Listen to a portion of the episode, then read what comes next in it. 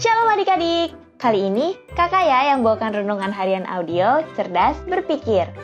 Melalui renungan harian audio Cerdas Berpikir ini, kakak berharap pikiran kita semakin diisi oleh kebenaran firman Tuhan.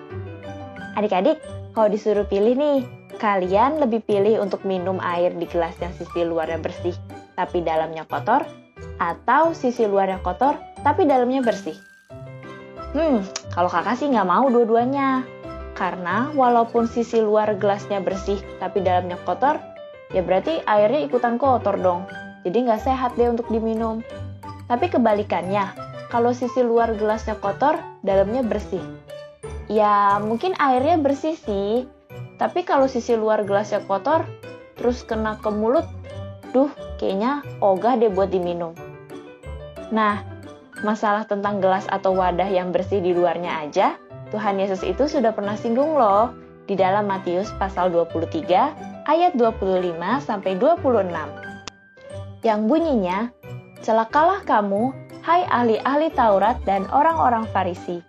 Hai kamu orang-orang munafik, sebab cawan dan pinggan kamu bersihkan sebelah luarnya, tetapi sebelah dalamnya penuh rampasan dan kerakusan. Hai orang Farisi yang buta, bersihkanlah dahulu sebelah dalam cawan itu."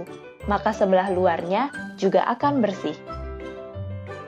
Waktu itu Tuhan Yesus sedang mengecam atau menegur dengan keras golongan ahli Taurat dan orang Farisi. Sebenarnya menjadi ahli Taurat dan orang Farisi itu nggak salah sih. Yang salah itu adalah sikap hati mereka. Tuhan Yesus menyebut mereka sebagai orang-orang munafik karena kelihatannya mereka baik, tapi di dalam hatinya nggak baik. Tuhan Yesus mengumpamakan mereka sebagai orang yang hanya membersihkan cawan dan pinggang sebelah luarnya saja, tapi dalamnya masih kotor. Jadi dari luar kelihatannya bersih sih, tapi dalamnya perlu dibersihin. Kelihatannya mereka tuh baik, rajin beribadah, rajin berpuasa, rajin memberikan persembahan, dan juga taat aturan. Tetapi di dalam hati mereka, mereka menyimpan hal-hal yang jahat. Sikap hati mereka salah ketika mereka menjalankan ibadah. Nah, beribadah serta melakukan hal-hal yang baik itu penting adik-adik. Tapi ada juga yang lebih penting, yaitu untuk menjaga sikap hati kita, kondisi hati, dan juga motivasi kita dari dalam diri. Sebab orang bisa saja rajin beribadah dan melakukan hal-hal yang baik, tapi sikap hatinya masih jahat. Hmm, mungkin tanpa kita sadari, kita juga pernah seperti itu. Contohnya nih, salaman sama orang yang kita benci atau nggak sukain ya salaman sama orang yang kita benci itu nggak salah loh adik-adik. Justru itu bagus. Yang menjadi masalah itu, apakah di dalam hati kita masih menyimpan perasaan benci atau enggak? Kalau masih benci, terus kita salaman sama dia dengan senyum-senyum seolah-olah nggak benci, ya itu kan sama aja seperti gelas yang luarnya bersih, tapi dalamnya masih kotor. Nah, bagaimana juga dengan kehidupan kita sehari-hari? Contohnya seperti kegiatan kita di dalam media sosial. Sebenarnya nih, memposting hal-hal yang bernuansa rohani Kristen itu nggak salah. Justru itu bagus. Yang perlu kita masalahkan adalah sikap hati kita. Nah, maksudnya kita posting hal-hal rohani seperti itu, apakah kita supaya ingin dilihat orang lebih religius? Atau justru mempostingnya dengan tulus, supaya bisa memberikan berkat bagi orang lain? Nah, adik-adik bisa jawab sendiri ya kalau kita memposting hal-hal bernuansa rohani Kristen supaya orang menilai kita lebih rohani, ya itu sama aja deh kayak gelas yang luarnya bersih tapi dalamnya kotor.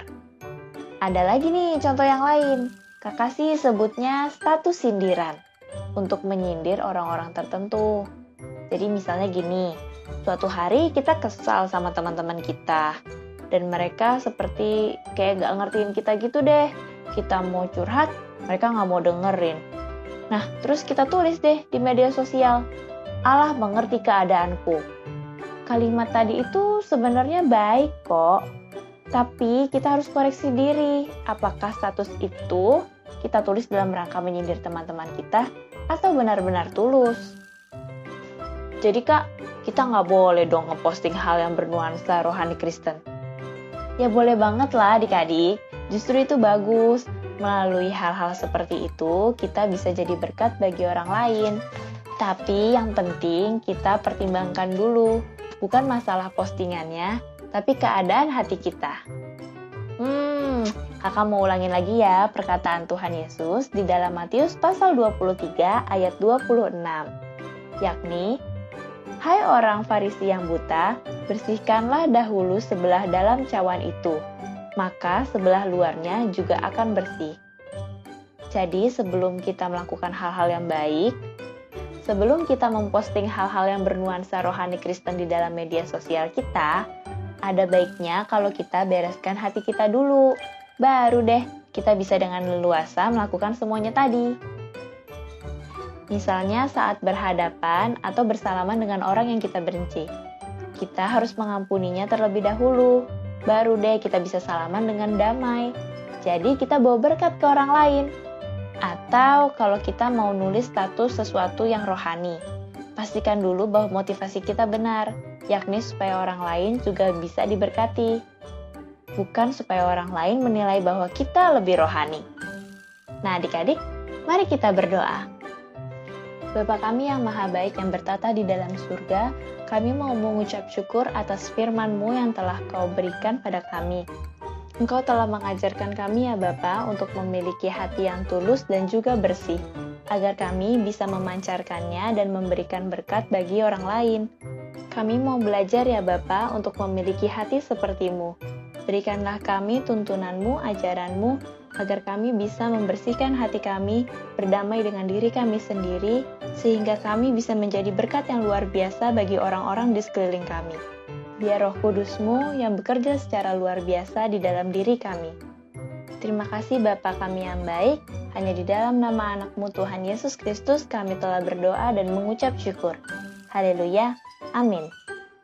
Terima kasih adik-adik semuanya, tetap semangat ya. Dadah!